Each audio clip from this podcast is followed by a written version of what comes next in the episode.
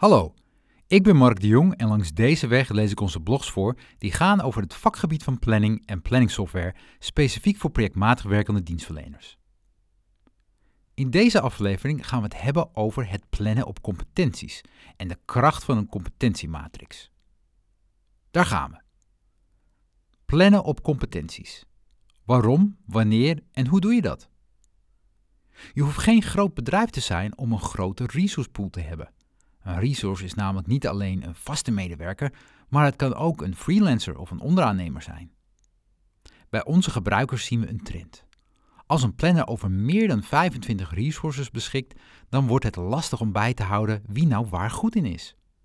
Deze planners missen een competentiematrix en een overzicht van welke competenties de resources bezitten. Onder een competentie verstaan we alle kennis, inzichten en vaardigheden die een resource bezit. Zolang ze van belang zijn voor het voltooien van projecten natuurlijk. De competenties kan hij of zij verkregen hebben uit werkervaring, opleiding of cursus. Een competentie is dus breed. Het kan bijvoorbeeld ervaring zijn in het gebruik van specifieke programma's. Het kunnen schrijven in bepaalde programmeertalen is ook een voorbeeld, maar het kan ook een aflopend certificaat zijn. Deze certificaten zijn vaak nodig om bepaalde werkzaamheden te mogen doen en te blijven doen, zoals bij een elektricien. In dit artikel bekijken we wanneer en waarom je met behulp van competenties moet gaan plannen. Daarna kijken we hoe je het beste een competentiematrix op kan stellen en actueel kan houden. Waarom zou je op competenties gaan plannen? Maar waarom zou je überhaupt met competenties in je bedrijf gaan werken? We zien drie redenen waarom je het zou moeten overwegen. 1. Beter plannen. Het eerste voordeel is dat je beter de juiste resources op een project kan plannen. Dit heeft grote voordelen. De kwaliteit van het werk wordt beter, want de medewerker heeft de juiste kennis en ervaring. Het project wordt op tijd opgeleverd, want de medewerker is minder tijd kwijt aan uitzoeken. En de klant is meer tevreden, want het project wordt hoogstwaarschijnlijk op tijd en met voldoende kwaliteit opgeleverd. En als laatste, de medewerker is gelukkiger. Hij of zij kan namelijk met voldoende kennis en ervaring werken aan zijn of haar projecten. 2. Sneller plannen. Daarnaast kan je als planner sneller schakelen. Je voorkomt dat je door lange lijsten moet spitten om de juiste resource voor een project te vinden.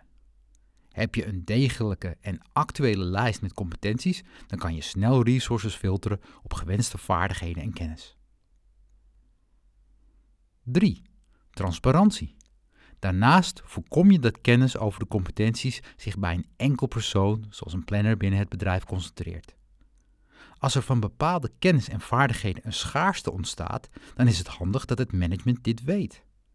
Zo kunnen ze er op tijd voor zorgen dat er extra personeel met de juiste competenties wordt aangenomen. Zo voorkom je dat het bedrijf door gebrek aan capaciteit projecten niet degelijk kan uitvoeren. Wanneer ga je plannen op competenties? Wanneer is het nou interessant om een competentiematrix aan te gaan leggen? Hoe weet je dat het tijd is om vast te leggen wat je medewerkers, freelancers en onderaannemers allemaal kunnen? Onze mening is altijd, maar met twee uitzonderingen. Voldoende resources. De eerste uitzondering is een minimale hoeveelheid resources. Uit ervaring zetten we deze grens op 25. Werk je met vijf medewerkers en twee freelancers, dan zijn de te behalen voordelen te klein. Ze wegen niet op tegen de moeite. In deze situatie weet je planner precies wie het beste bij een project past. Ga je over de grens van 25 heen, dan wordt het lastig alle competenties van alle mensen te onthouden. Het wordt dan handig om competenties structureel vast te leggen. Een homogene resource pool. De tweede uitzondering is wanneer je pool aan resources homogeen is. Dit houdt in dat alle resources ongeveer dezelfde competenties hebben. Met een homogene resource pool hoef je niet te filteren op competentie. De beschikbaarheid is dan het enige element waar je als planner naar kijkt. Moeite steken in het vastleggen en bijhouden van een competentiematrix biedt hier geen voordelen. Hoe ga je werken met competenties? Als je besluit om te gaan werken met een competentiematrix, hoe ga je dan alles opzetten en bijhouden? Het is zonde van je tijd als je een matrix opzet, één keer inventariseert en het er daarna bij laat. 1. Koppel het aan je planning. Het bijhouden van competenties op papier deden we in 1950. De eerste stap die je moet maken is het gaan gebruiken van een softwarepakket, zoals een HR-systeem. Kies bij voorkeur voor een systeem dat geïntegreerd kan worden met je planning. Of kies anders voor planningsoftware waar competentiebeheer een onderdeel van is, zoals in TimeWax. Zo is je competentiematrix echt een toevoeging voor je resource planning. Een tijd geleden hebben we de blog Planning Software selecteerde, drie essentiële stappen, geschreven. In deze blog beschrijven we het proces om de juiste software te kiezen.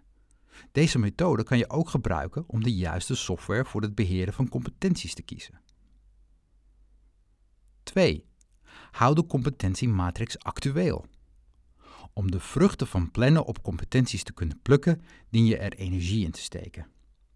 Als de competentiematrix eenmaal staat, is het belangrijk dat deze bijgewerkt wordt. Een competentiematrix raakt vlot zijn kracht kwijt als deze niet meer actueel is. Planners gebruiken deze functie niet meer als ze merken dat gewenste resources zo niet gevonden kunnen worden. 3. Maak iemand verantwoordelijk. Als de competentiematrix eenmaal staat, dan raden we het aan om een persoon of afdeling de taak te geven de matrix bij te werken.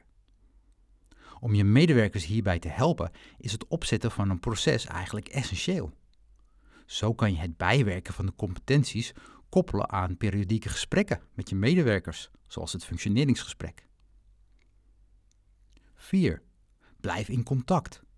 Resources die buiten je bedrijf kennis en ervaring opdoen, zoals freelancers of onderaannemers, vragen om een andere aanpak.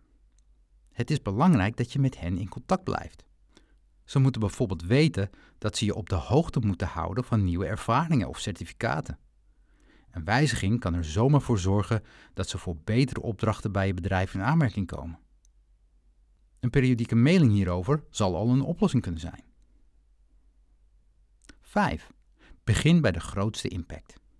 Moet je dan nu meteen een inventarisatie gaan maken van alle competenties die je medewerkers bezitten? Nee, dat is niet aan te raden. Als je gaat beginnen, start dan met de meest gebruikte competenties. Planners, projectmanagers en resource managers halen hier het meeste voordeel uit. Zo heeft plannen op competenties de grootste impact op je bedrijf. De moeite die je steekt in het opzetten van een competentiematrix wordt zo het snelst weer terugverdiend. Een laatste woord.